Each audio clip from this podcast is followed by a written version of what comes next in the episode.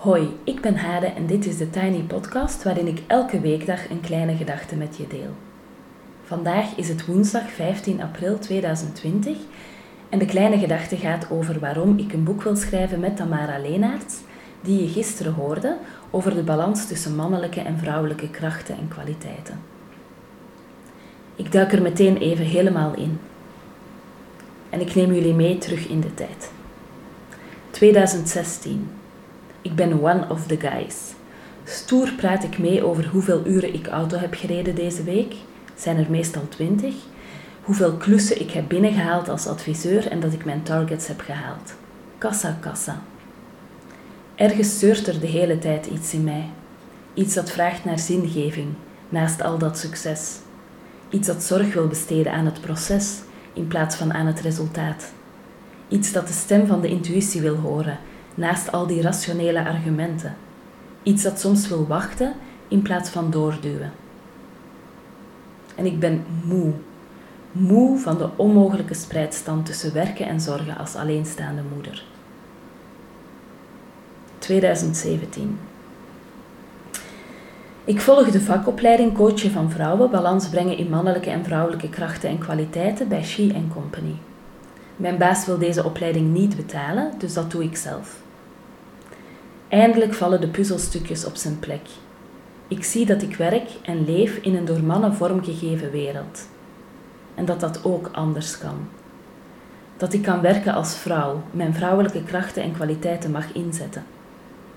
En nee, ik heb het niet over mijn decolleté, maar wel over mijn intuïtie, het webdenken in mijn hoofd, het vermogen soms wakker te wachten in plaats van door te pakken, het creëren van verbinding met en tussen mensen.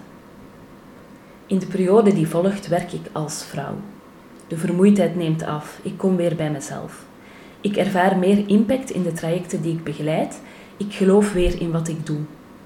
Maar mijn omgeving reageert zenuwachtig op de vragen die ik stel en de bochten die ik neem. 2018. Pieter en ik krijgen twee dochters. Na een moeilijke zwangerschap en complexe periode, waarin ik onder andere vroeger moest stoppen met werken dan ik had gewild, zet ik op 6 juli 2018 twee dochters op de wereld op vijf kwartiertijd. De oerkracht raast door mijn lijf. De kamer is gevuld met vrouwen, waaronder mijn doula, Catharina. Vrouwen die erbij blijven, present kunnen zijn in dit proces. Die mij ondersteunen en empoweren. Een voor mij onmisbare en heel krachtige ervaring. 2019. Ik maak me klaar om terug te gaan werken. En dat begint met een gesprek met mijn baas. Pas jij nog wel in deze organisatie? vraagt hij. Natuurlijk, ik ben lang weg geweest. Ik ben veranderd. Ik stelde al kritische vragen voor ik wegging. Mijn vervanger is een man die intussen goed is ingewerkt. Ik heb twee kinderen gekregen. Ik ben een moeder, een vrouw en ik heb een man. In zijn vraag klinkt alles door wat ik niet wil horen. Pas ik nog wel? Ik stel lastige vragen. Pas ik nog wel?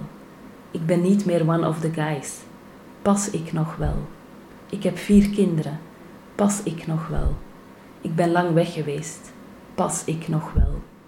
Misschien wat te veel ambitie voor een moeder van vier? Pas ik nog wel? Mijn man kan me toch wel onderhouden? Pas ik nog wel?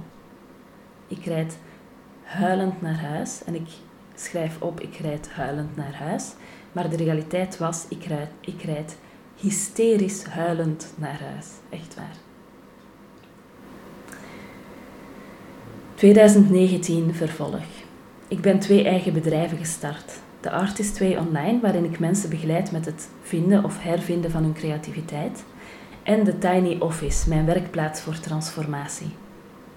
En mijn belangrijkste doel? Zorgen dat mijn dochters nooit ergens de vraag zullen krijgen of ze nog wel passen. En dat is het waarom van het boek voor mij. Stamara en ik willen graag een boek schrijven en de ultieme reden is voor mij dat ik nooit wil dat mijn dochters, of die van jou of jouw zussen of jouw vriendinnen, nog ergens de vraag krijgen of ze wel passen. Als jij wilt bijdragen aan het boek, kan dat door de bevraging in te vullen die Tamara en ik gemaakt hebben. We willen namelijk van zoveel mogelijk vrouwen te weten komen hoe ze de balans tussen het mannelijke en vrouwelijke ervaren in hun professionele omgeving. En dat klinkt misschien vaag.